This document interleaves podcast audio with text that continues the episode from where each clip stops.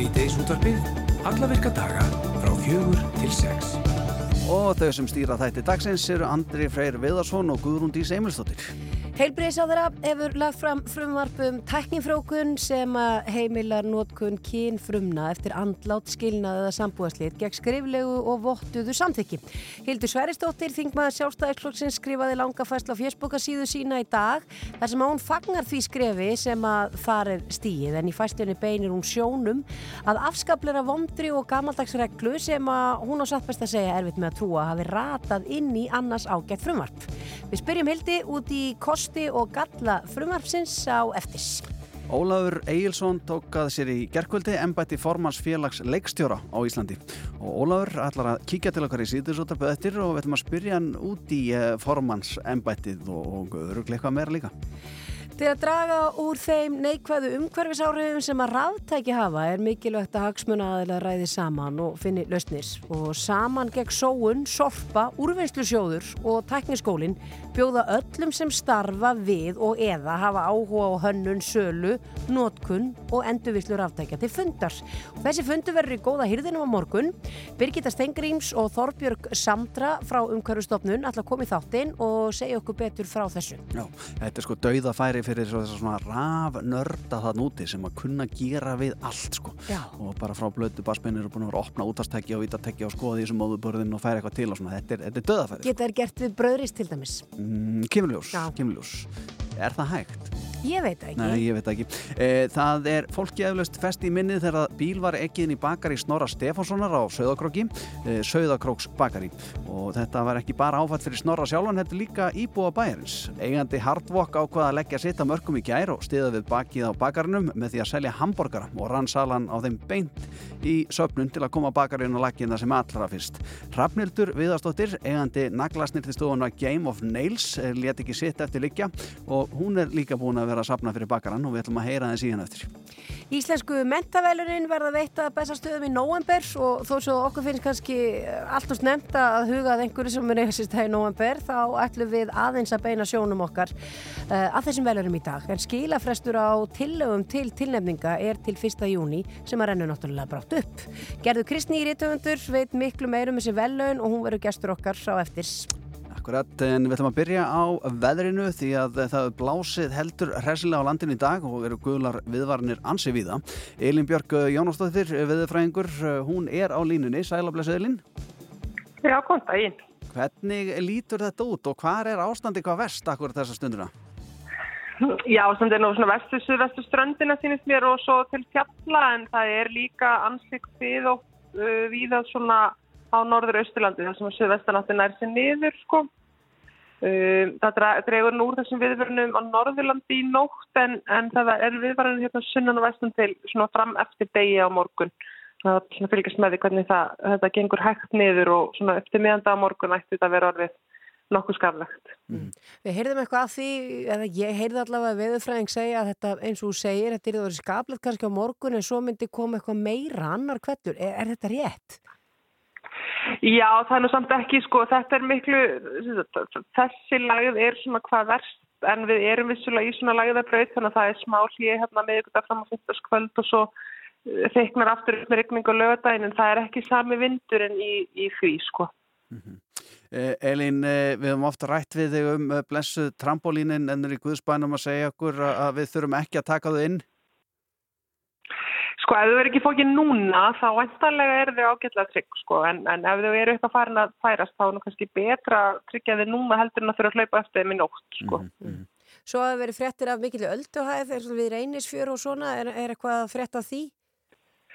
Ég veit nú ekki um það, sko, nema bara að þessi Suðvestanátt þegar hún er svona alveg svona sko viðtæk og, og er búin að vera núna nokkar um, nokkra daga í rauð sko það byggist upp mikil alda söður á landinu þannig að þetta er mjög svona klassíkt bara í þessu ástandi og hún dregur, það sko dregur hægar úr alduhæð síðan heldur en úr vindinum þannig að það má alveg gera ráð fyrir því að það verði mjög mikið brim og há alda sko áfram eftir að veðrinu slútar á meðan söðvestana það er svona ríkjandi Já.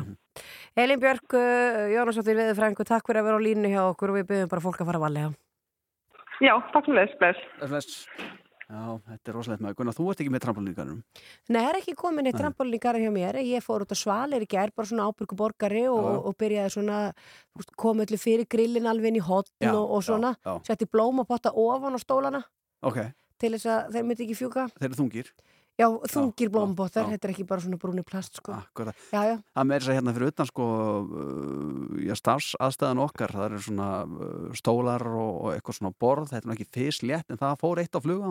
Já, þetta er ekkit grín. Já, ég bara satt í mestu mækildum og var að spjalla við hérna Snæru og um Beyoncé og svo bara allt í séð eitthvað svip og henni, hún bara, oh my god, borðið er bara að fara, sko. Já. Þannig að það þarf að, að, það þarf að eh, huga þessu öllu sem, þessum lausu hlutum.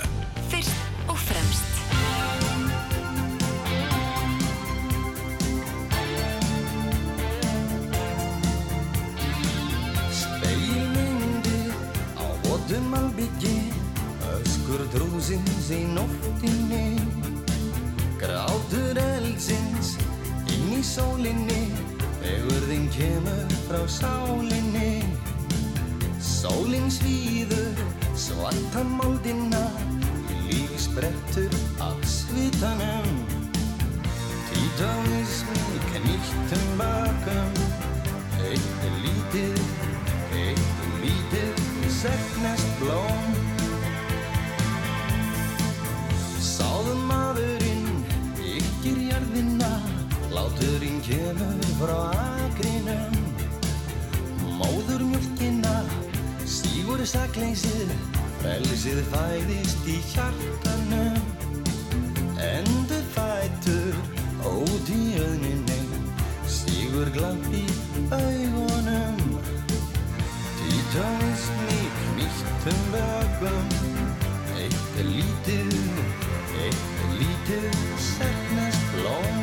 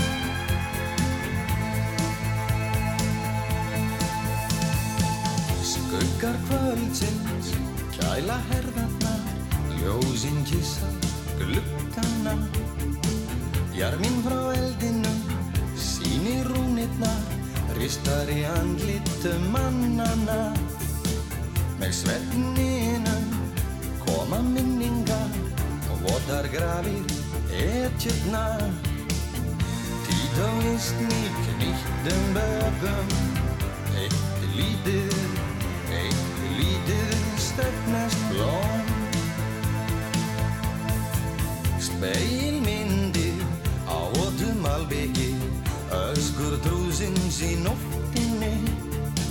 Grátur eldsins inn í sólinni. Fegurðin kemur frá sálinni. Sólin svíður moldina Líf sprettur af svitanum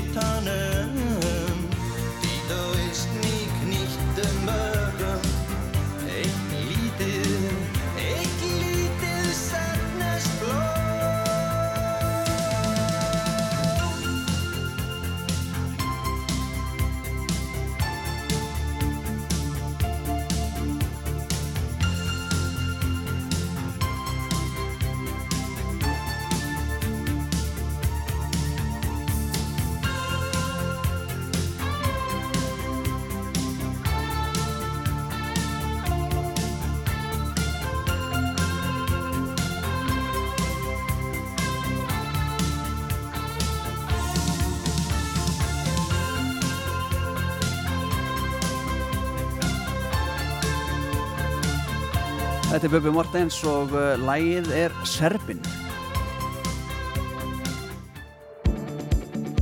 Heilbreyðisáþara hefur lagt fram frumvarpum tæknifrókun sem að heimila nótkun kynfrumna eftir andlátt skilna eða sambúðarslit gegn skriflegu og vottuðu samteki. Hildur Sverrisdóttir, þingmaður sjálfstæðisflokksins, eh, skrifaði langa fæsla á fjörsboka eh, sína í dag þar sem að hún fagnar því skrefi sem það er stíð en í fæslunni beinur hún sjónum að afskaplega vondri og gamaldags reglu sem að hún, á, hún segir satt beist að segja að hún hefði bara valla trúað að hafi ratað inn í annars þetta ágæta frumvarp. Hildur er á línu hjá okkur, kontur sæl og blessu Hildur. Sæl og blessuð. Uh, eigum við að byrja á uh, kostum, að því við ætlum að ræða hér bæði kosti og galla þessa frumvarps. Eigum við að byrja á mm -hmm. kostum þessa frumvarps? Hendilega. Uh, sko, forsaðan er kannski svo að það var fyrsta verk mitt þegar ég fór hún að þing fyrir hvað tæpum tveimur árum síðan að leggja fram frumarp sem að tekur á já, svona ógeðfeldri reglu að mér finnst sem er í núgildandi lögum sem að pínir fólk sem hefur farið í þá vegferð að fara saman í teknifrjókunar ferli uh, pínir það til þess að eigða fóstuvísum sínum sem verða til í því viðskilnað eða andlót þrátt fyrir mjög skýran vilja og, og allt það. Þannig að ég laði fram það frumvarp Uh, sem að ráð þeirra er núna að leggja fram samskonar frumvarp sem ég fagnar mjög. Hins vegar, og ég skal reyna að eins einfalt og hægt er, er í mínu frumvarpi stíðaðins stærra skref í áttafrelsi. Það sem ég til mis aftengi þessar sambúar kröfu bara yfir höfuð, bara verum ekki að flækja þetta, fólk bara sem vil legna spatt saman og samþykir það og votar í bak og fyrir þetta með hagsmunni basins fyrst og fremst í húi, má það og einni vil ég opna fyrir að það megi gefa fóstur vísa Í dag má gefa sæði og egg en ekki tilbúin fósturvísi og fyrir marga í mjög örfri stöðu væri það mjög mikið gull. Mm -hmm. Allavega uh, eins og ofta er um þingmannafrumvarp sem kvöldu þau fara nú fæst í gegn. Þannig ég fagnaði gríðarlega þegar ráð þeirra tóku upp þetta mál varðandi þetta mega nýta fósturvísi áfram eftir andlátaða skilnað og hef bara sagt það mjög hátt og skýrt og, og, og stend við það. Hins vegar núna þegar hérna ég stinga eins nefnu út úr minni bublu sem ég er í akkur núna í, í, í fæðingarólofi að þá, þá reykju augun í að í endanlegu frumvarpir á þeirra að þá sem sagt segir að þeir sem að mega nota þess að þá fósturvísa sem eru til eru þá engungu konur og sem meira er engungu einhleipar konur. Og ég satt best að segja bara þurft að lesa þetta nokkru sinnum þegar ég bara trúði því ekki að við værum enn og aftur uh, í þessari lögjöf að gera fólki óþarlega erfiðara fyrir þegar ég sé enga málaflega ástæði þess það er vel hægt að búa sem hnúta að, að, að þess hægt að láta þetta allt saman ganga út. Já, en ég meina hvers vegna er þetta sett í þetta frumvarp? Ég held að, sko, og ég vil nú segja það, ég ætla ekki að brygsla neinum öðrum um neitt annað en að vilja vel í þessu og það segir í, í greinagerðinni að, að þetta sé gert í, já, kannski fyrst og fremst fyrir hagsmunni þá tilvonandi bars, þar sem að það vissulega geti verið flókið fyrir tilvonandi fjölskylduminstur ef að það er annar maki en, en, en sá til dæmis kallmaður sem að lagði til kynfrumurnar í þennan fóstuvísi til dæmis. Uh, gott og vel, ég ætla ekki að gera lítið úr því og ég ætla ekki að gera lítið úr því að kannski flestum myndi ekki hugnast það að stíga einhvers svona skref en ég er hins vegar afskaplega ósamála því að þetta sé ekki hægt að leysa. Ég er ósamála því að það sé einhver stórkonslegur eðlismunur og því til dæmis að gefa sæðisfrumur sem að fólk veit hver er gafinn uh, og eða hvernig þessi aðstæða myndi skapast. Ég held að þetta sé runni mannanaverk frekar en eitthvað eitthva lögmál.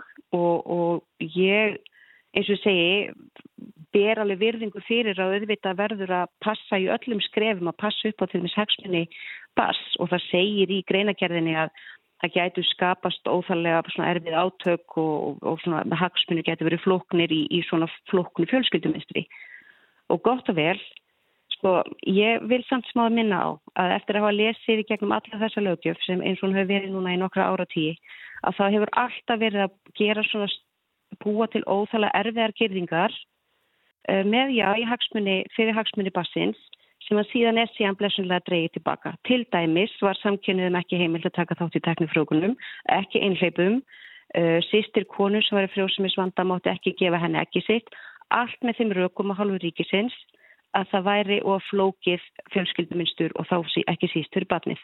Nú hefur blessunlega svona greitt úr öllum þessum svona, miski, svona miskildi fóræðisíkju sem ég vil meina en þess vegna finnst mér afskaplega sorglegt þegar við erum núna að stíga óbúslega mikilvægt skref ætlum við samt líka að stíga aðeins skref tilbaka og, og, og gera fólki þetta erfiðara fyrir því að það eru margir í þeirri stöðu sem eru komin í önnu sambund það var hreinlega verið að býða eftir því að mega nýta þá fóstuvísa sem, sem eru til en eru núna að horfast í augu við að horfa upp á og mögulega mega það ekki og það er bara óbúslega sátt að horfa upp á og ég mun bara hreinlega að gera allt sem ég get til þess að breyta þessu. Hildur, þú hefur já, bara beittir af miklum krafti fyrir auknur réttlæti í teknifrökunarferlinu og ert nú heima í fæðingarorlofi og hefur reynslu af teknifrökun.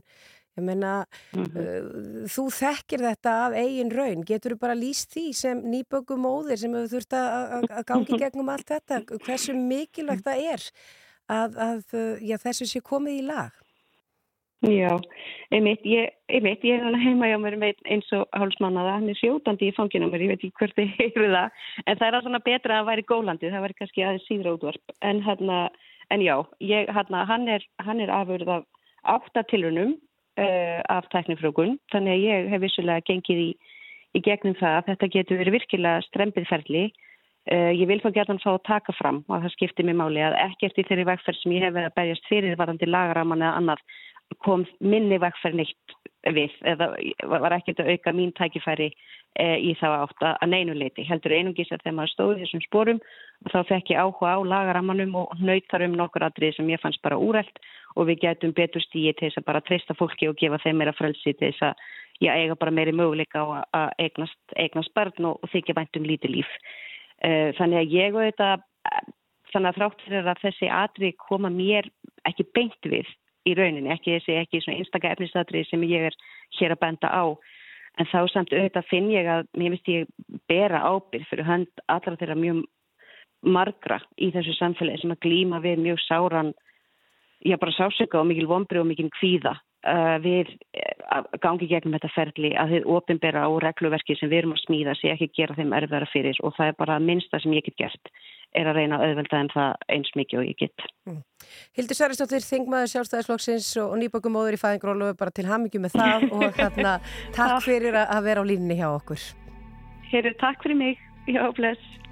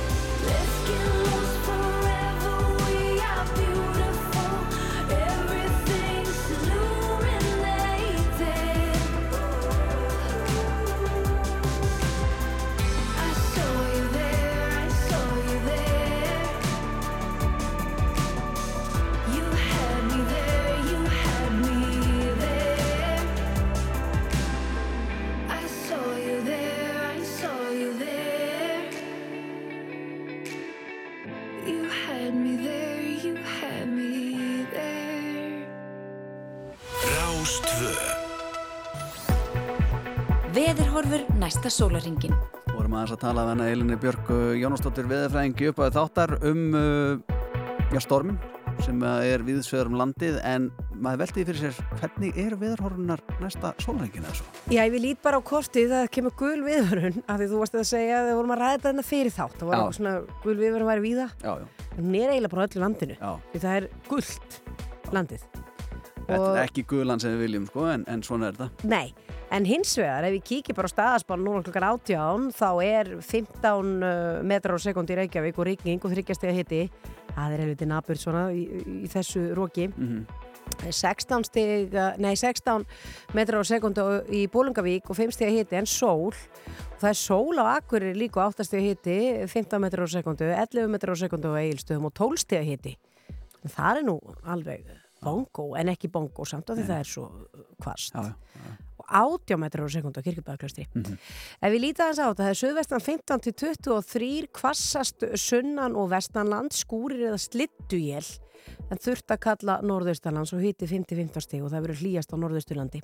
Það dregur heldur og vindi í nótt, uh, vestlaga átt 10-18 á morgun en hægari norðalands og víða skúrir eða slittuél en bjart með köplum söðvestan til og hiti 2-8 stig.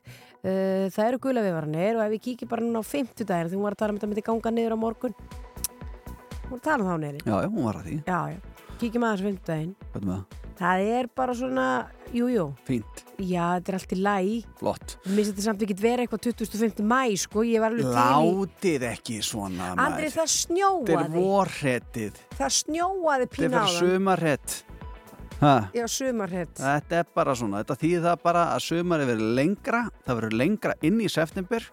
Þetta er bara fínt. Einar Sveinbjörns er að lofa góðu Já, já. sumri Já, núna eitthvað framan af. Já, ég, þetta er bara flott. Maður raugnast í tilbár og breytti sumarfríinu sínu að það verður svona gott viður næstu dag. Já, já. En hvað heldur þú kunna minn hafa gæst á þessum degi árið 1956? Ég ekki bara að segja það. Nú, Fyrsta söngakefni í Euró, Euróska sjónvastöða, hún var haldin á þessum degi árið 1956 og veistu hvað hún var haldin? ég man það ekki, það skömma því. Já, það er það. Það er mikil skömmaði. Hún var haldin í Sviss. Já. Nú, árið 1958 á þessum degi þá opnar Mokka kaffi á skólaurustík. Og það er spurning hvort það sé ykkur gleðið þar ekkert núna. Árið 1973 þá voru rúður brotnar í breska sendiræðinni Reykjavík þegar hópur fólks mótmælti landhelgisdeilunni. Þannig að það var ekki að láta aðeins en það var að fara að brotið á bramla sko. Brjálaði sko. Árið 1985 þá fæðist Björgun Pátt Gústafsson, handknarleiksmaður sem hefur nú varið á nokkra boltana fyrir okkur íslensku þjóðuna og er ennað og svo er, kannan segja frá því á þessum degi árið 2004 þá var það alltingi sem var samþekti umdelt frumvarp um eignarhalda á fjölmjölum sem að var eh, neitað um, undirskrift af fórseta. Magnað og, og meira söngvakefnis tengt í að þessum degi þá var úslutakefni söngvakefni Erasku sjómastöða 2008 og hún var haldin í Belgrad og uh, þar sigruðu rússar með læginu Believe, maður þetta því? Já, ég man þetta því. Já, nú er þeir bara ekki með. Nei, þeir eru ekki með núna, þeim er ekki bóðið. Nei, nei, þeim er ekki búið. Nei, nei. Það er bara hlutis. Uh, Rafnördar landsins og allir aðrir hlusti hérna því að eftir smá stund þá getið þið verið að fá, fá, fá döðatækjaður hérna að gera góða hluti í þá þjóðar og ykkar sjálfa. Þetta er hljóðastinn Weezer, viðandi lag Island in the Sun.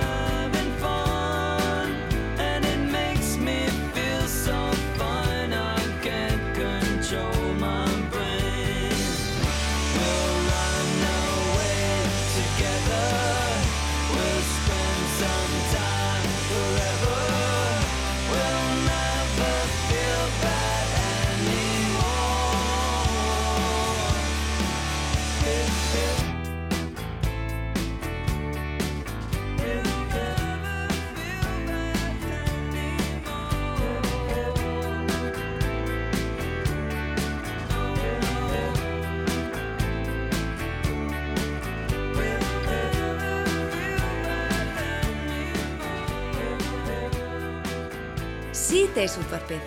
Hæfileg blanda Frá fjögur til sex á Rás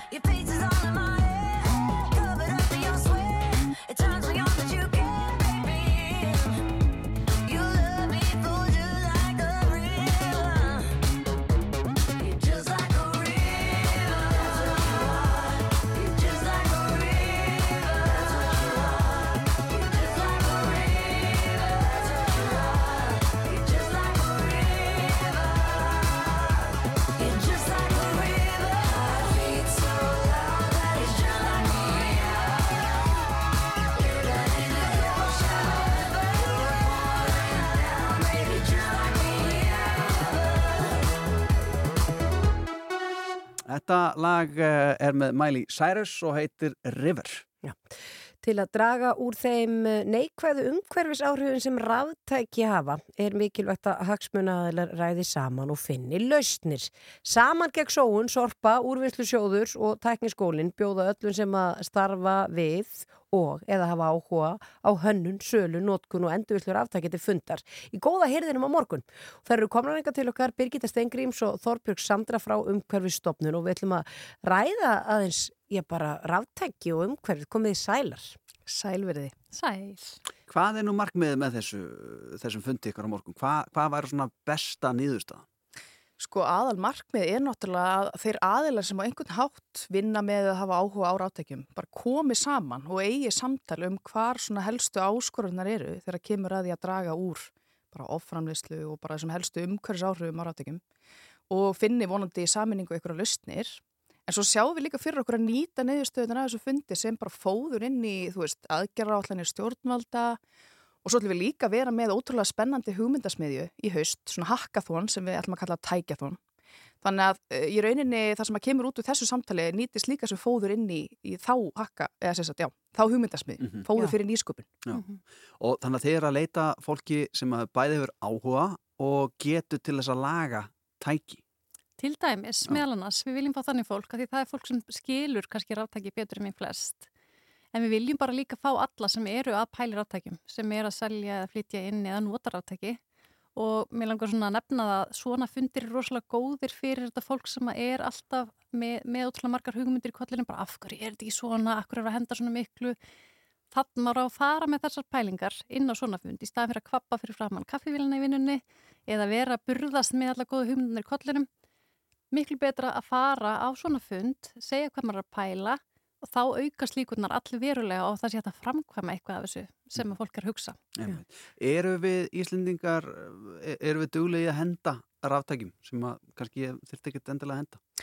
Þetta er enda mjög góð spurning, af því að við kaupum svo sannarlega mjög mikið af ráttökjum. Hér er fluttin mjög mikið á ráttökjum á hverju ári. Er rosalega lítið af þeim, þeim skila sér síðan aftur í endurvinnslu og það þýðir að veist, einhver hluti fer örgulega í bara urðun veist, með almennu sorpi. En ég held uh, að stór hluti sé líka bara upp í hillum heima hjá okkur eða í fyrirtækjum. Veist, hver kannast ekki við? Ég ætla að það er þannig hjá sjálfur mér að ég á nokkrar fartölur heima og gamla síma sem ég bara svona einhvern veginn veit ekki alveg hvernig ég á að losa mig við, ég er með eitthvað gögnin á þessu, þannig að við erum kannski ekki að henda rosalega miklu, við hefum kannski ekki nógu gögn um það, eh, en þau eru allavega ekki að fara í réttan farveg, þau eru aftur ekki sem að gætu farið til dæmis í endurvislu, það er rosalega lítið af þessu ferðanga og það er ótrúlega sorglegt að því að ráttæki er náttúrulega búin til úr mjög verðmættum og sjálfgefum hráefnum, svo málmum og alls konar svona jarðefnum og ef að sko ráttæki eru, já, að fara í urðun eða eru upp í hillum heima hjá okkur, þá eru þessi efni ekkert að komast í ringrás. Hver er eitthvað tilfinning fyrir því? Að því að ég hef allavega heyrt, ég, eins og kynslu foreldramanns verið að tala um það að þvottavelar í dag séu bara hannaðar til þess að endast í 5 til 7 ára meðan að þvottavelarnar sem þau kiptu þegar þau voru unga endust í 20 og eitthvað ár. Er þetta svona eða er ekki komin einhver vakning hjá meðal annars bara ráttækja framleiðendum að við eigum bara eina jörð og þurfum kannski að þess að hugsa? Það er klárlega komin vakning hjá mjög mörgum framleiðendum uh, en það þarf alveg að gera þeim sem hérna, vilja gera vel, þarf hjálpa þeim uh, að því að þeir sem eru að haga sér illa í raun og eru að framleiða hluti sem eru gerðir til þess að skemmast uh, þeir megi ekki hafa samkefnisforskot á hina sem að vilja gera vel og, og eru meðvitaður um að auðlindir eru takmarkaðar og vilja gera hluti sem endast vel. Þannig að e, það þarf að koma til móts við þá og ég teki eftir því núna undarfærið í samtölum okkur við atvinnulífið að það bara vill virkilega fá ramman sem gera það að verkum að umhverju sóðarnir, að þeim er refsað en þeir sem að vilja gera vel og framlega veru sem endast, að þeim sem sé einhvern veginn hjálpað. Mhm. Uh, og við þurfum í raun bara svona kerfisbreytingu til þess að þetta gangi upp. Eh, fólk sem mætir á fundinu morgun og nú er ég að hugsa sko, um, um eh, svona þessa grúskara sem að geta lagað allt sko, alltaf með loðboltan í sambandi og bara til í hvað sem er sko. Gæti það verið að, að þannig einstaklingar jafnvel verið bara kift inn og, og gefin ákveðin verkefni og, og jafnvel fengi og eitthvað nátt svona eitthvað að vinna þetta og góða eirinn með það? Það er bara... Aldrei að vita.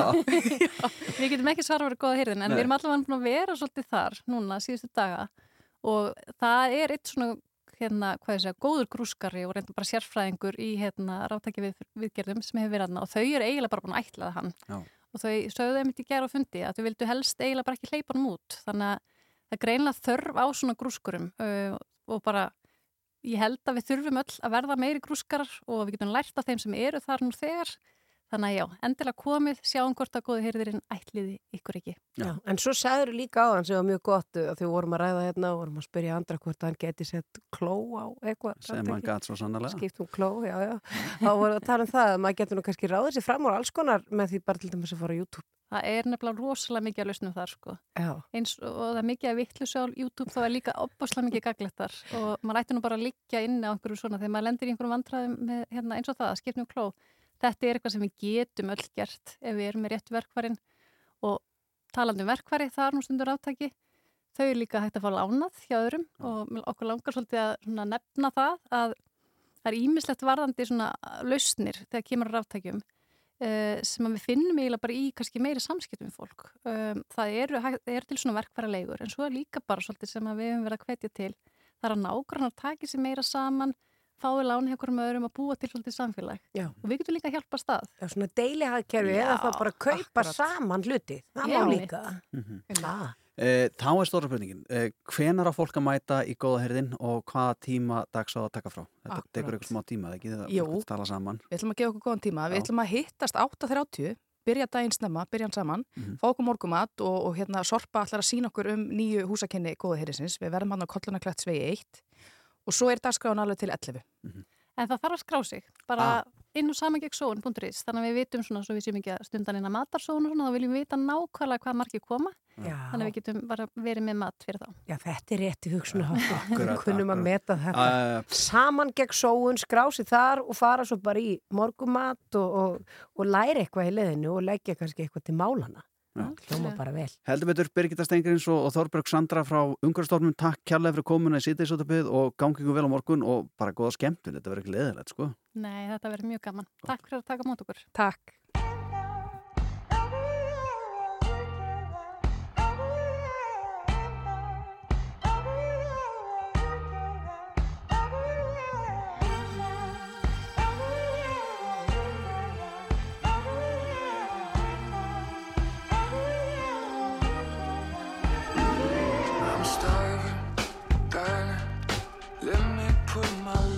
to something. Let me wrap my teeth around the world.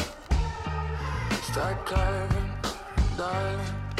I wanna smell the dinner cooking. I wanna feel.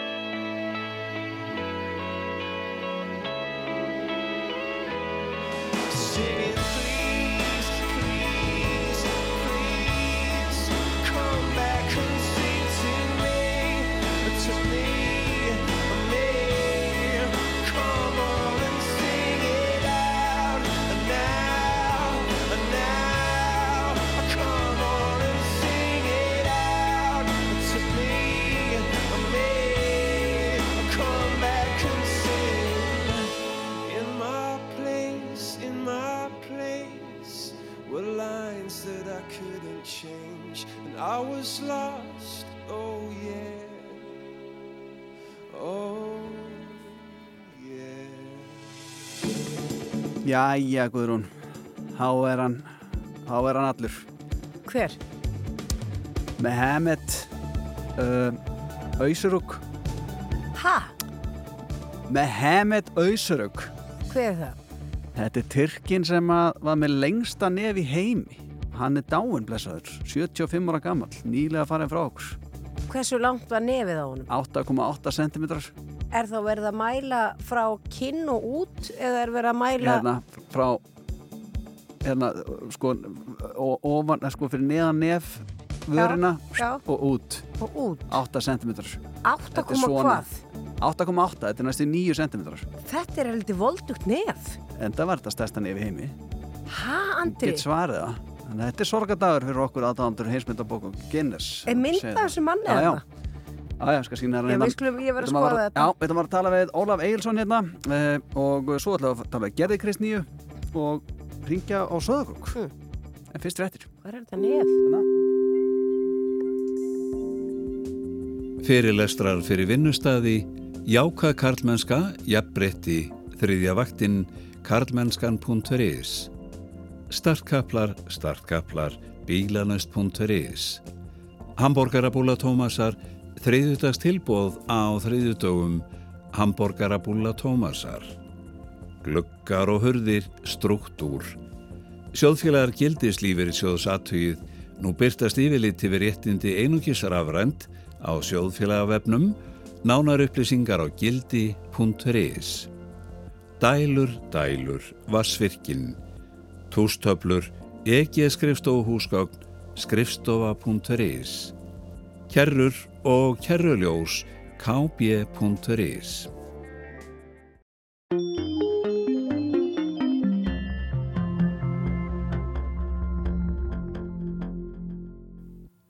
Fréttastofa Rúf klukkan er 5, Solveig Klara Ragnarsdóttir segir fréttir.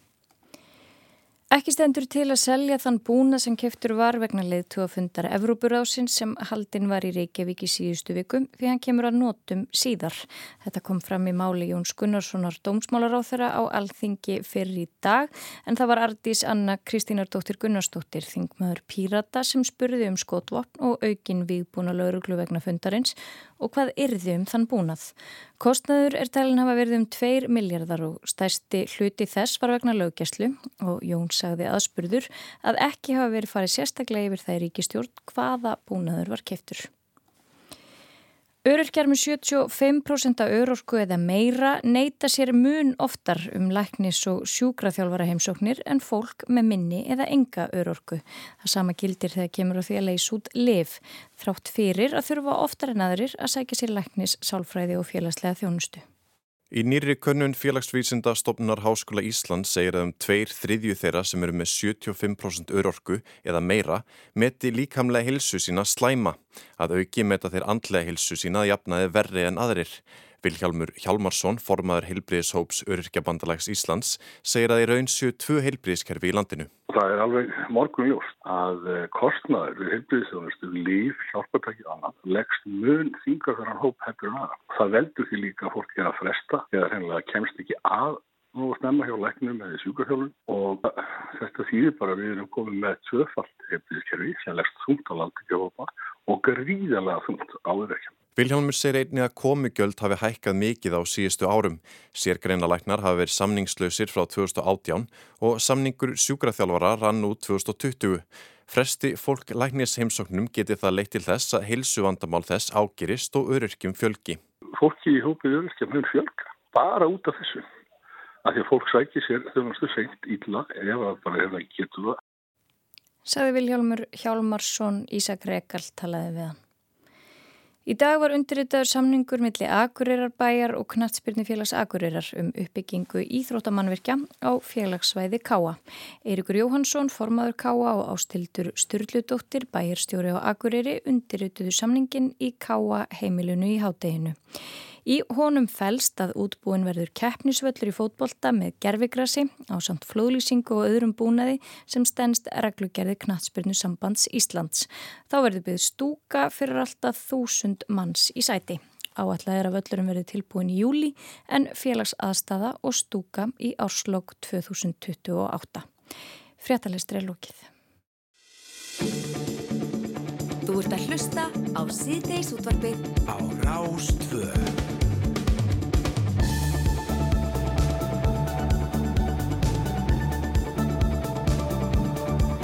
Áfram með smjöri hérna í síðdeis útarpinu.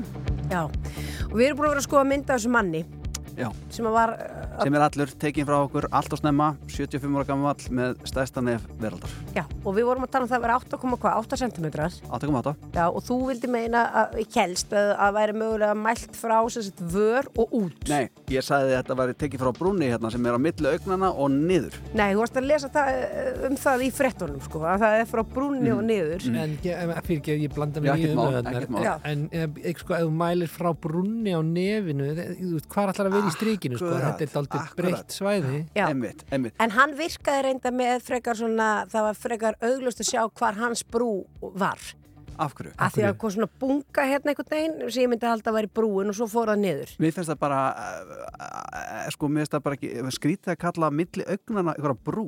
Þegar þú ert með fullt af stöðum á nefinu sem gætur henni verið miklu frekar brú. Já, ég Hérna við Þetta hlýtur að vera mælt frá miðnesinu Já, já, undir nefinu og fram að nefbroti. Það er eina haldbæra mæling Já, en ef þú sæði myndamanninu þá virkar það ekkert svo langt. Allavega ekki 8,8 cm Víst. Já, myndir geta blekt. Þetta er eftir hvernig vinkillin er sko. Já. ef þú beint framan á hann og aðeins og ská þá virkar það Sýndu Ólafi myndamanninum, Andri Freyr. Já, Ólaður getur komið aðeins hérna yfir borðið ánum við Já, förum í það sem að þú ert komin að ræða hérna. já, mér finnst þetta aldrei En Þetta er ótrúlegt tegnaregt, það er nú ekki, er ekki tekið á hann, séu Já, já, þetta ég er nú séð alveg- um mörg góð en Já. þetta er alveg er sko. fyrir mig. Ég get alveg trú að þetta væri 8,5 cm Já. Jú, kannski, ég veit ekki. Mottan Já, blekkir akkurat, þú sér línuna hérna Já nasavængurinn, sko, það sem hann byrjar og niður. Jú, jú, ég ætla svo sem ekki því að ég verður viðkynast og Ólafur Eilsson er náttúrulega með meira svona kannski listrænt auga Jú. og, og, og, og kannski með næmari sín á alls konar hluti heldur en við. Ég er oft, oftar í því að mæla út fólk. Já, já, og notað nokkur gerfinniðin í gennum tíðina. Jú, ég hef fengið að vera með nef. Já, en þetta er rosalega stærð, 8,8 cm ég, Allt er þetta nú relatíft sko. Jú, jú, jú, jú. Miðan við hvað Akkurat, miða við hvað kundis Nei, bara miða við alls konar. Já, eins og hvað. einmitt. Eins og hvað? Eh, Ólafur Egilson, hann er mættið til okkar og ekki til að ræða nefnstærðir eða samanburgunni við eitthvað annað. Eh, við erum að tala um það að hann er orðin sko uh, já, formaður félags leikstjóra á Íslandi. Já. Já, til hamingju með það. Takk ykkur fyrir. Þetta er rosalega titill Já, já, hann er langur. Já, Já. ég, ég hef verið formaður eh, í öðru félagi, þá var ég formaður í sko leikarafélagi Íslands Já. sem er ekki félag íslenskra leikara mm. heldur er leikarafélag Íslands félag leikara í þjóðleikúsinu Já, en var stopnað á sínu tíma held ég af Jóa Stóra eh, Jóa Sig og öðrum í leikhúsinu þegar þeir voru ekki sammála félag í íslenskra leikara um tólkuna á einhverju og stopnuðu bara sitt eigi félag. En svo var þetta bara svona partífélag leikara í þjóðleikúsinu og ég var semst formaður í þessu. Það hefur nú ekki verið leðilegt Alls ekki, við fórum í, í, fórum í menningarferðir til Kaupmannahafnar og Berlínar að skoða leikhús og, og meðan ég var formaður, ég, ég kom því á og, uh, en titillin er, er mjög veglegur, leikarafélag Íslands en það eru ka kannski bara leikararnir í þjóðleikhús Já, já, allt í góðu með það. Eh, talandi um, eh, sko, leikarar eru eitt, leikstjórar eru svolítið annað. Eh, þetta er hópur fólk sem er mjög sterkar skoðanir og vill svolítið gera því vorum að tala um nef, hlutina með sínu nefi. Nú ert þú orðin formaður þessa hóps. Eh, ertu kvíðið fyrir fundum? Nei, alls ekki, sko, því að þó að leikstjórar, jú, að vinni við það að hafa skoðun, en eh, eru held ég flestir mjög meðvitaður um það að það eru fleiri en einn skoðun, yfirleitt, sem eh, eiga við og, og já, því leikstjórar eru góður í að miðla málum og, og mætast á miðri leið og, og hérna stinga saman nefjum Akkurat, akkurat og ég er að leita að einhverju meira með nef Já, já. en hérna Það er nefnilega það það er nefnilega það og, og þeir vita nú margir meira eða, sko, en, en lengri nef þeirra nær sko. Akkurat, akkurat. nei, nei, leikstjórar eru, má, eru málamiðla, málamiðluna fólk yfirleitt og eru vanir að vinna í, í sko, að vita samstarfi líkil Mhm. uh, og að allt er þetta undir uh, góðum vilja annara komið leikarana, ná Mhm. góðu sambandi við þá og, og hérna, já sko leikstjórar í dag eru langt í frá e, e, e, svona þessir harðstjórar held ég sem að margir kannski hafa þá ímynd sko, svona það var meiri tísku fyrir dáliti löngu síðan Já, já, Já, er það ekki alveg dottu út í sko? Jú, þetta er svona þessi sko hugmyndum alvitran ótör Mhm. leikstjóra sem að er bara með alla þekkingun og alla lausnindar í höfðinu ég held að það sé alveg fyrir róðan sko. Já, það eru blessunlega ekki allir með, með sko, sömu hegðun og saman pekkinpá til dæmis, veist, þetta er svona kannski mikrafólk í dag. Já, ég held það. Eh, ég sá í gær þá var eh, frétt um eh, sagt, eh, það, það er ný stjórn félag, félags íslenskra aðtapna kvenna. Eh, svo er náttúrulega hérna félag leikstjóra á Íslandi. Félagin eru ansi mörg og ég veit til þess að það er ekkert svona útastmannafélag.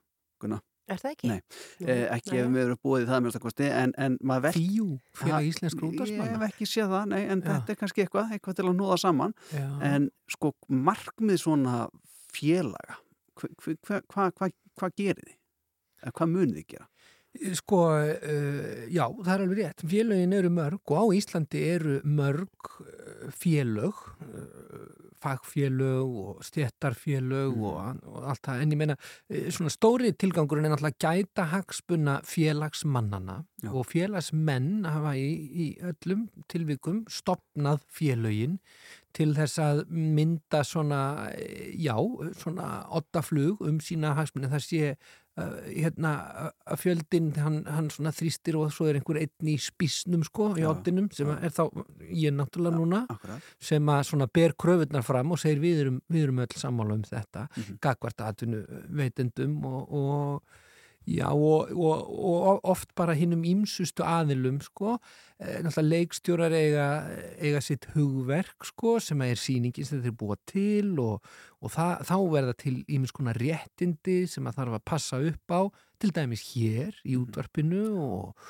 og í sjónvarpi og í bíói og, og leikús er upptekið og sínt einhver staðar og, og eh, þessu þarf öllu að, að finna einhvern farveg og sinna og svo það stundum aðstóða kannski félagsmenn og, og, og atvinnuvindur, leikússtjóra þá með að tólka uh, samninga eða lög félagsins eða ímislegt. Já. Já. það er svona uh, hitt og þetta. Ég meina það, það, er, það er nóg að gera Já. í þessum félögum sko. Einmitt, einmitt. Um, já. En núna, Ólafur, sko, síðastur þú komst til okkar, það er eins og þú, það sé þér ekkit óviðkomandi og þú tekur alls konar af þér. Síðastur þú komst, þá varstu sviðsmaður og Já. sýningu sem þú varst líka leikstjóri Já, af. já og, leik, og það er hlutverkleistur líka að stökkva í, í öll hlutverk og lá, gera allt sem hann getur til þess að, sýningin gangi, gangi upp það kvöldið Já. Must go on Já, þannig að núna ert þú að henda þér í, í þetta embætti uh, formans og ert að taka við á Kolbrún Haldursdóttur Já. sem að uh, hlýtur að hafa verið alginnegla í þessu. Jú, aldeilis eh, og, og, og, og hún er bara á hraðri siglingu upp á við, hún er að fara að taka við formansembætti BHM Já. svo, svo ekki gæti hún verið formaður okkar litla félags lengur Nei. Þannig að þetta kannski verður stökkpallur yfir í eitthvað enn stærra og meira og eitthvað Fyrir fleiri? Já, fleiri verkefni síðar. Ég von ekki Nei. Ég, ég, ég er ekki mikið sko, félagsmála tröll. Þó ég, ég hafi nú reynda að svona sinna mínum skildum þetta var svona daldið uh, taka eitt fyrir, fyrir liðið sko. Mhm. þú veist, við erum ekki drósalega margir og þó eru nú ég held hvað eru í félaginu? 130 manns. En það eru náttúrulega ekki, ekki allir starfandi leikstjórar. En þér rann blóðu til skildunar bara að, að, að bjóða þið fram í þetta. Já, ég sko framundan, það er náttúrulega allt í frosti í öllum kjara viðræðum eins og, eins og allir vita Aha. og, og framundan er svona daldil brekka fyrir okkur leikstjóra. Eh, Við höfum svona setið daldil á hakanum hvað launakjör varðar og, og ábyrð starfsins er mikil og viðveran er oft mikil og, og í rauninni kannski svona þegar maður byrjar að vinna sýningu þá er eiginlega lítið frí. Hún er alltaf einhvern veginn í höfðun á á, á fólki. Það tekur vinnuna með sér heim og, og sefur með hana og vakna með hana. Þannig að, að, já, það er svolítið brekka og ég, ég er með gott fólk með mér í stjórn og, og hérna, við tökum þetta á, á hérna, samstarfsfísinni Mhm. og, og, og samvinnunni og málamiðluninni og, mildinni. auðvitað, auðvitað. E, kröfunar til að komast í félagið, Hva, hver eru kröfunar? Eh, Að, aðrir félagsmenn samþykja þú gangir í félagið. Akkurat, akkurat. Eða stjórnin. Já. Það er, það, er ekki, það er ekki krafa að menn séu eða konur og, og fólk séu með hérna, háskólapróf Já. í leikstjórn. En það eru leikstjórar starfandi sem að sko, ná- námið getur verið mjög mismunandi og þetta er svona, leikstjórn er kannski eitt af þessum fögum sem að Jújú, jú, það er kent í skóla en það þýðir ekki endilega að þú lærir það svo þú farir í skólan sko. Þú get, og þú getur lært það eh, með öðrum hætti Einmitt. svona eins og að vera ljóðskáld eða, Mhm. eða eh, svona þeir sem að vinna mikið með ímyndunaraflið Já, sko. já, útarsmaður. Já, Andri er að, hann, hann er að, er hann er að, þú ert að er daðra í og, Ég er bara í rauninni ekkert búin að vera að hlusta á okkur, ég er búin að vera að hugsa um nafn og hugsa sem ég ætla að stofna. Nú, ég held þú allar hann að gangi þetta félag. Nei, leikstjórnarfélagið? Nei, ég held ég var ekkert samtökt þar. En mér líst vel að þú stofnir félag í íslenskra útvarsmanna Já, finnst það ekki? Fíu eða já, þulir á Íslandi Einmitt. Þái Já, akkurat. Já, já. Það er gaman að þessum Ég veit það. skamstöðunum Það má leika sér það. Já, sko. ég held við ættum að fara að slökka hér á hljónumum og þið geti kannski rætt saman. Það tryggja mér eitthvað lén. Núverandi formaður og svo Já. kannski verðandi formaður í þessu Mhm, nýja félagi. mhm. Þetta, er- þetta er bara alltaf spennandi. Já. Ólafur Eils, bara til hamingju með þetta við hlökkum til þess að, já, bara gangið vel í baráttunni og við hlökkum til þess að fylgjast með þér. Já, þessum stöndum já. Takk fyrir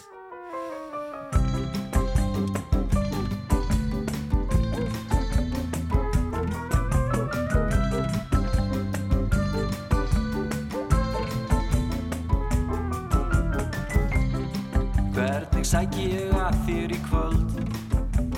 Vinur vina minna Í hverju ertu? Hvað ert að fá þér í kvöld? Vinur vina minna Af örlæti allur Mætur í skvaldur Vinur vina minna Verðuru húsum hæfur í kvöld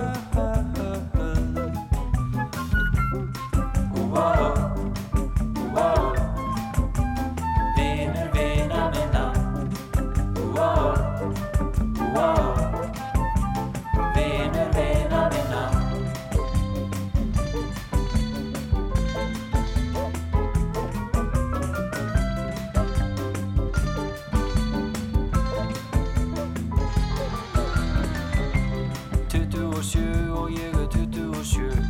27 og klukkan orðin 2 Ég er 27 og klukkan orðin 2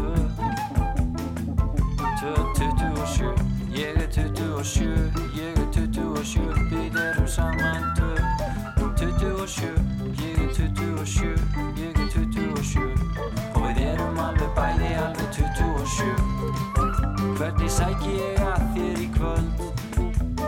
Vinur vina minna. Í hverju er Hvað ert að fá þér í kvöld?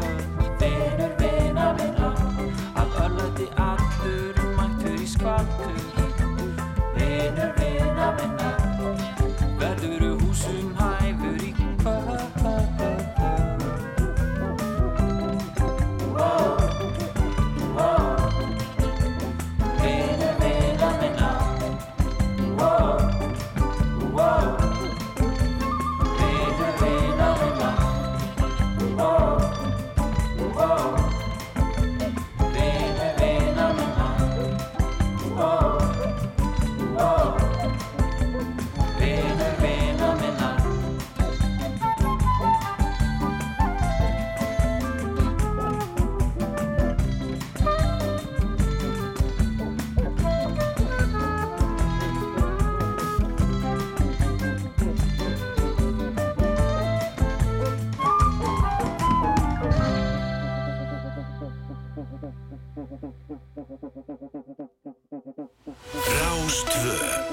Síðdeisútvarpið á Rástvö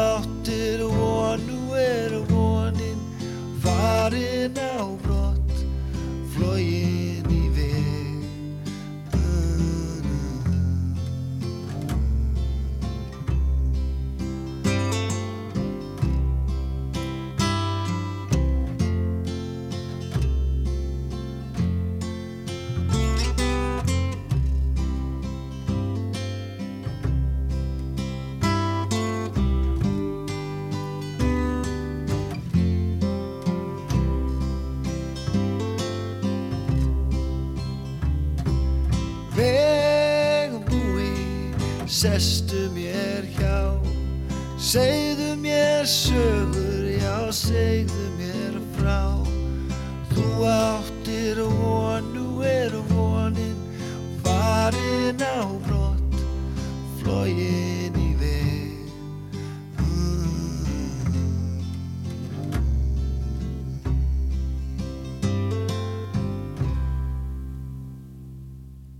Ká-ká og lagið vegbúi. Ekki æsingum fyrir að fara í þessu lagi. nei, nei, nei, nei, nei. Það var nú ká í þessu veðri Jæja. líka. Andri, þetta er svona veður sem ég sé fyrir mér að allir sem að koma heim til sín í dag Mhm. fara bara í ullasokkar, hlýja peysur, náttbuksur og svona bara slakja á. Já, mér finnst þú vera með þetta veður á heilanum og Já. það er algjör óþarrið því að eh, þetta er bara veður, þetta er bara svona. Við gerum ekki dýr, sko. Já, þú veit fullt af fötum, ég Já. sé kápuna þennar, Já, já. tónokkrar, glæsilegar. Og ég verið þeim bara inni? Já, nei, nei, minna, hvað, er snjókoma inn í það líka? Nei, nei, nei, nei, nei. Ég verður að róa mig yfir þessu, við erum nú öll svona veðurhrætt. En það er gott að ræða um bækur. Já, já, um bækur er náttúrulega þess að tala um, en við ætlum að fara að tala um mentavelun. Mhm. Því að íslensku mentavelun, þau verða veitt að bestastöðum í nóvambir. Jú. Þá er mitt getið þessi atbyrra sem eiga sér stað Akkurat, akkurat. með peysuna Mhm. og sokkana og náttbúsnar og allt þetta. já. Já, og þó sé bara ókslega langt í nóvambir, þá þurfum við samt aðeins að fara að tala um þetta. Mhm. Því að uh, það er skilafrestur á tillögum til tilhemdinga núna 1. júni. Og 1. júni, Hann hann er já. og til að reka á eftir fólki er hún mætt til okkar hún gerður Kristi, sæl og blessuð og velkomin. Takk fyrir og verðið blessuð. Hvernig gengur að fá fólk til að skila inn, já, svona Það gengur ágætlega, Já. það er betur máið duga skar. Þú ert náttúrulega svona, já, menningaviti og með ágættis yfir sín yfir menningu á landinu. Eru eitthvað svona, já, er eitthvað svona sem þú hugsa með býtu, allar enginn að tilnefna þetta? Og mátt þú, mátt þú hendi í púkið það? Ég má ekki hendi í púkið. Nei. Það er það sem er svo leiðilegt. Það verður nú gaman ég mætti bara ráða þessu öllu. Já. En hérna það er bannað. Vegna þess að við erum mjög mörg í þessari nefnd um íslensku mentaverlunin. Ég fæ að vera formaður. Já. En svo er þarna fulltrúar frá kennaradelt háskólans á Akureyri og sambandi íslenska sveitafélaga og við erum þarna bara heil hópur. En hérna, og það eru komnar fullt af tilefningunum. Við viljum fá fleiri. Við ætlum að veita hérna framúskarandi skólastarfi verlun og menta umbótum og þróunarverkefnum og yðn og verkmentun og, og hérna og, og fyrsta júni verður bara eh, er, er dagurinn runnin upp þar sem við hættum að, leifa tilhefningar og þá skiptum við okkur í nefndir og förum að velja hver má fá verlunin næsta haust og það er það sem er svo skemmtilegt. Já. Og ég sé nú bara fyrir mér að kennarastofunar, einhver sem hefur vit á þessu eða bara við sem eigum börn í skólum eða höfum átt krakka í frístundastarfi, þetta eru samt grunnskólar, frístundastarf og eh, framhaldsskólarnir sem, sem eru líka hann undir. Já. Og ég sé nú bara fyrir mér að þessir hópar sem hittast fyrir jólin og hvað gera þeir? Já. Drekka glögg, baka sörur, Já, já. tína Akkurat. dót í skó, jól í Akkurat. skókassa. Það fólk er alltaf að gera eitthvað svona skemmtilegt. Já. Nú á þetta fólk bara að henda í, í tilnefningar til íslensku mentaverluna og, og Þetta er svona raunverulegar hetjur. kennarar. Já. Og já, sem taka móti líka börnunum okkar í, frísundastarfinu og kenna þeim eitthvað, eitthvað Mhm. sniðugt sem við bara erum búin að gleyma. Bara Við- fugglafitt og skák og alls konar. já, já, já. Akkurat. spil og... Já. Við fengum sko, þetta var náttúrulega í fyrra líka Ó, já. og við fengum með mitt tvo sem að hlutu eða fengum einn frá sem sagt, leikskóla sem að hlaut þessi velun og svo fengum við uh, framúskarandi kennaran líka, hana Elisabetu, Akkurat. Rakastóttur leikskólakennar enga til okkar. Akkurat.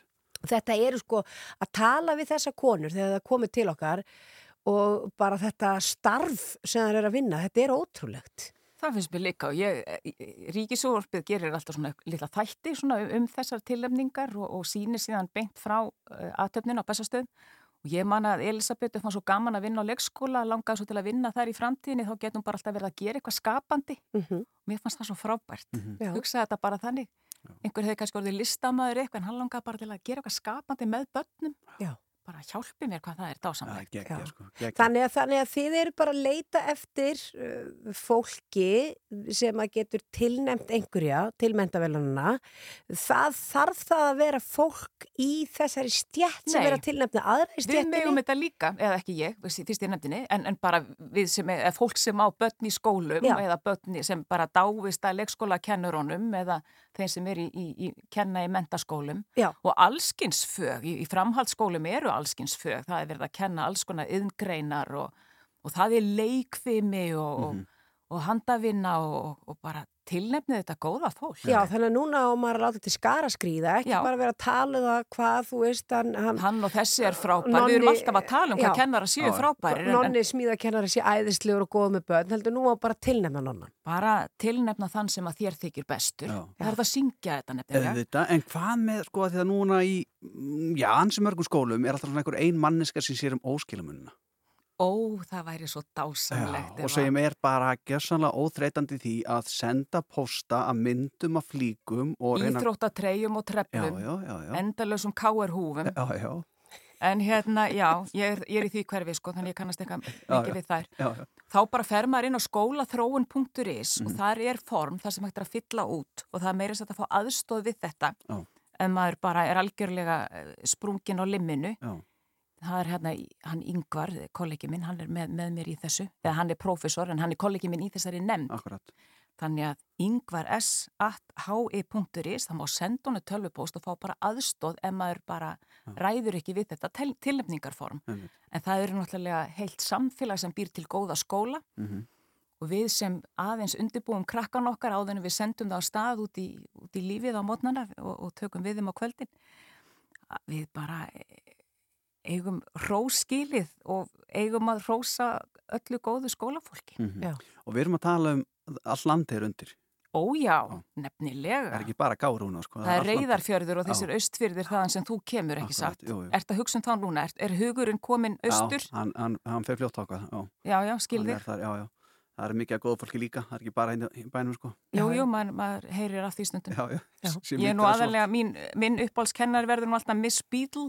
Já. Hún var í húsin og sléttunni. Já. Hún var mjög þólinmóð. Já, það þýðir ekkert að tilmynda hana. Nei. Það er komið út fyrir landstæðinu sko. Já, og uppdyktu að auki, þannig að Já, þetta er einhvern veginn. Já. Þannig að sko fyrsta júni þá rennur þetta tækifæri út sem að eh, já, fólk hefur til þess að tilnefna fólk eh, til mentavelununa og það eins og þú vorum að tala um, það getur verið hvað sem er, það er ekkert, ekkert starf og lítið á stórt. Bara að reyna, þetta verður allt tekið til greina, Mm. við förum gumgjafilega yfir allar tilnefningar Já. og hlökkum til að sjá hvað, hvaða dásendar fólk er í störfum í við uh, að kenna börnunum okkar. Já, og svo verðum við að fylgjast áfram með þessu því að þetta verður náttúrulega sínt frá þessu hérna á Rúf í nóvember þegar þetta gerist og allir við ekki líka aftur eftir að fá að pikki einhverja sem geta komið og rætt, rætt svona mentamál, fólki á gólfinu. Sigurverðana. Já, við viljum fá eitthvað svoleiðis. Skólaþróun.is inn á vefin, þar eru formin og allar útskýringar, Já. áfram gakk. Ekkert þessan, áfram þetta. Gerðu Kristný, takk fyrir komuna.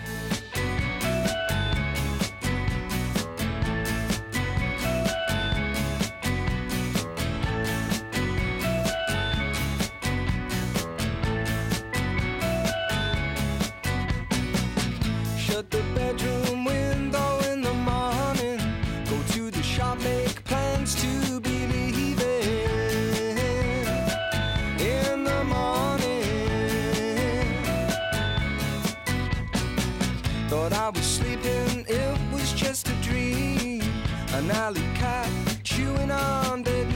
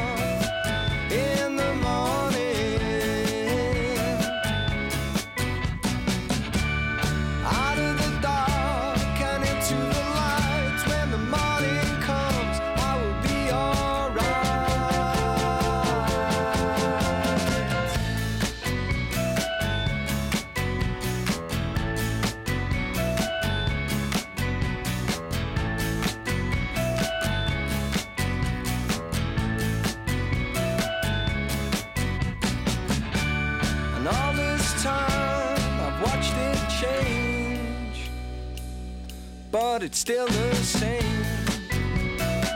In the morning, in the morning,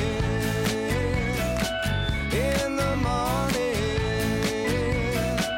in the morning. Rástvö Síðdegis útvarpið fyrir ykkur frá fjögur til sex á Rástvö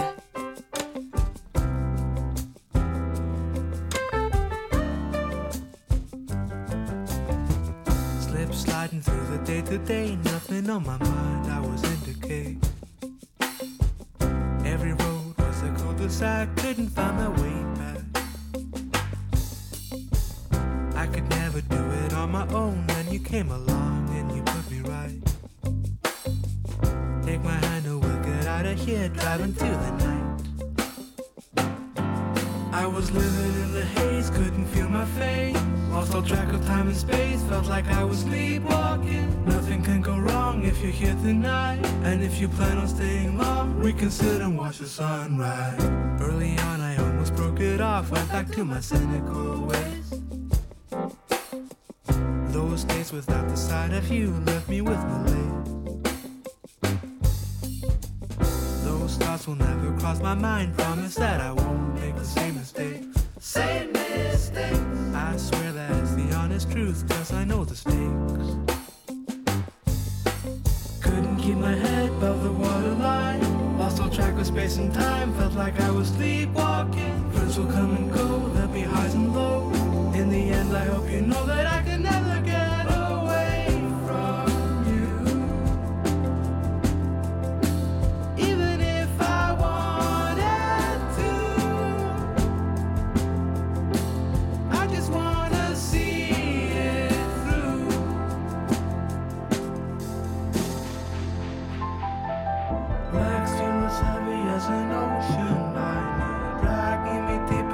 school.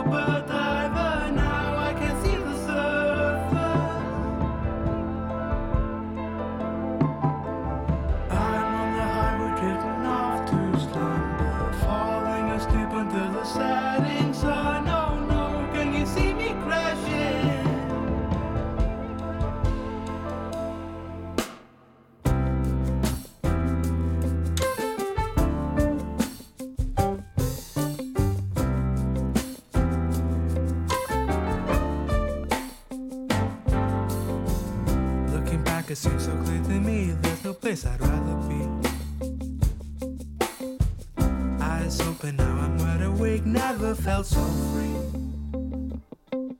I was living in the haze,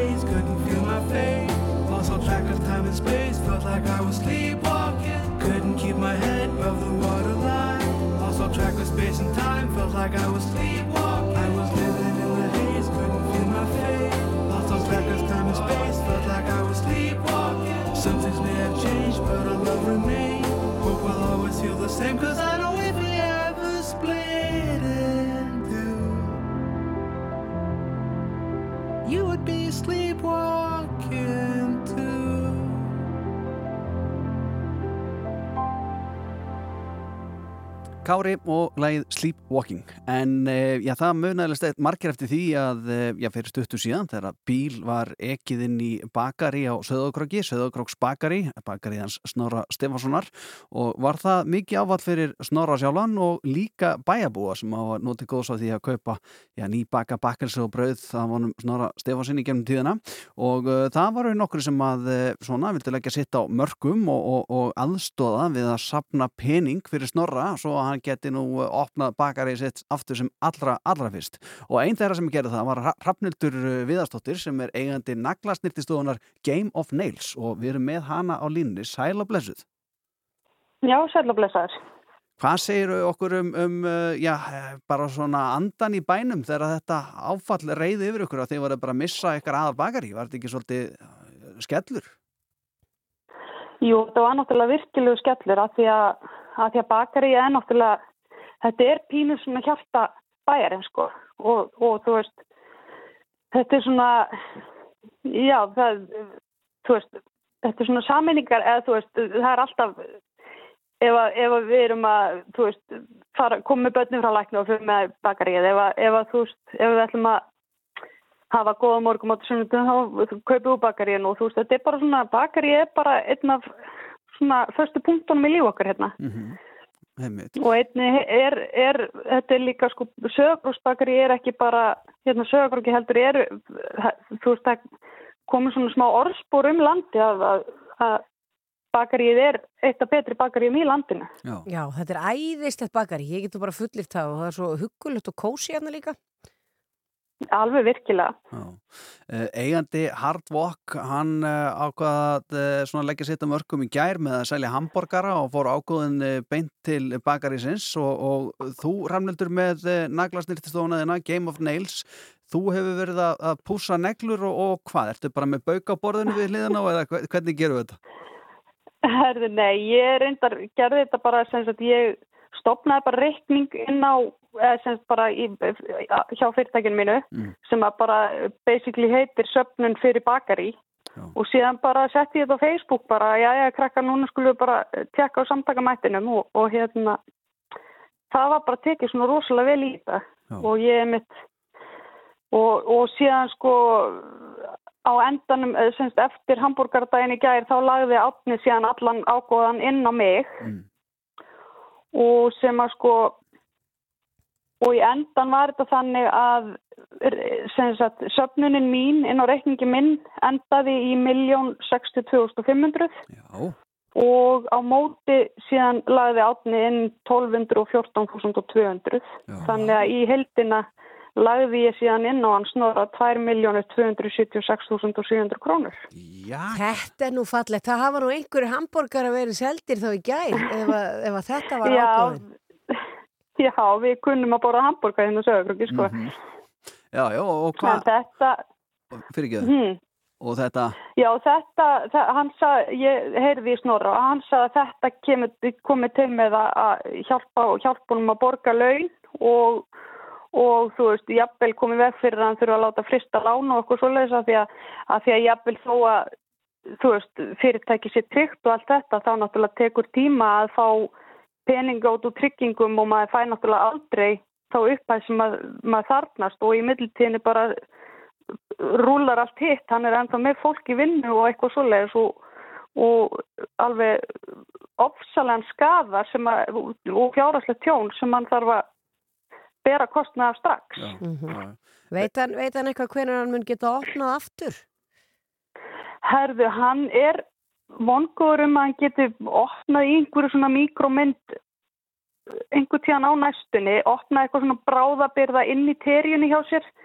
Þannig að hann geti nú farið að selja út úr sem sagt, ba- bakaríinu sjálfu, hann er í framleiðslu ennþá sem að fer bara í kaufilæð og, og, og okkur svo leis en að því að sagt, aðstæðaninn á bakvið sjálf bakaríi sjálft í rauninni eðilagt ekki en hann er að vonast til að hann geti opnað einhverja svona sölu bara, ég, ég veit ekki alveg hvenar vonandi bara í næstu að það næstu viku eitthvað svolítið, ég samt þú ekki að segja segja neina dagsetningar að því ég veit það ekki sko nei, nei, nei, nei. Svo, svo lengi sem þið getið keift ykkur allan að sko jólaköku fyrir jólinn, þá, þá, þá ættu að vera bara nokkuð sátt. Já, já, ég held að jólakakkan sé alveg trygg.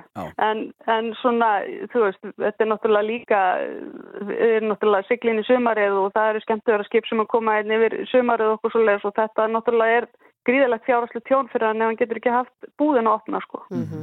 Eh, og, og líka svo ég tala nú ekki líka um það að, að þú veist það er fullt af það er nokkru skólakrakkar sem ég þekki sem voru að fara að, búin að fá vinnu hjá hann í sumar og voru að fara að vinna í búðinni hjá hann og þau veit ekki hvað þau eru að fara að gera núna. Einmitt. Eh, Rafnendur, svona rétt í lokin eh, Game of Nails, fær maður svona Game Já. of Thrones neglur hjá eða hvernig, Já, bara alls konar. Það, ég, nafni kemur uppalega af Game of Thrones. Ég er, ég er algjör nörd hvað svona hluti varðar. En já, já, já, þú getur alveg fengið Game of Thrones neglur hjá mér og þú getur fengið Lord of the Rings neglur hjá mér og ég var mjög mikið að gera Tindarsólsmerki í senustu viku og það er, það er bara komdu bara með hugmyndu, ég skal bara setja nú neglunar að þér er, ég sé, sé þið bara þegar Snorri tekur og lás aftur, það kaupið mér bakkelsi Já. honum og kemmetið inn og við förum að sífir, þá sittur hann að eitthvað svona neglur. Endilega, endilega það er allir velkonir Það var svo lett. Takk hjálpa fyrir þetta, Rafnildur Viðarsdóttir, eigandi naglasnýrtustofunar Game of Nails og bara vel að verki staði til eh, allra sem að búða á Söðakröki og svona á að gera þetta. Takk hjálpa spjallið. Takk fyrir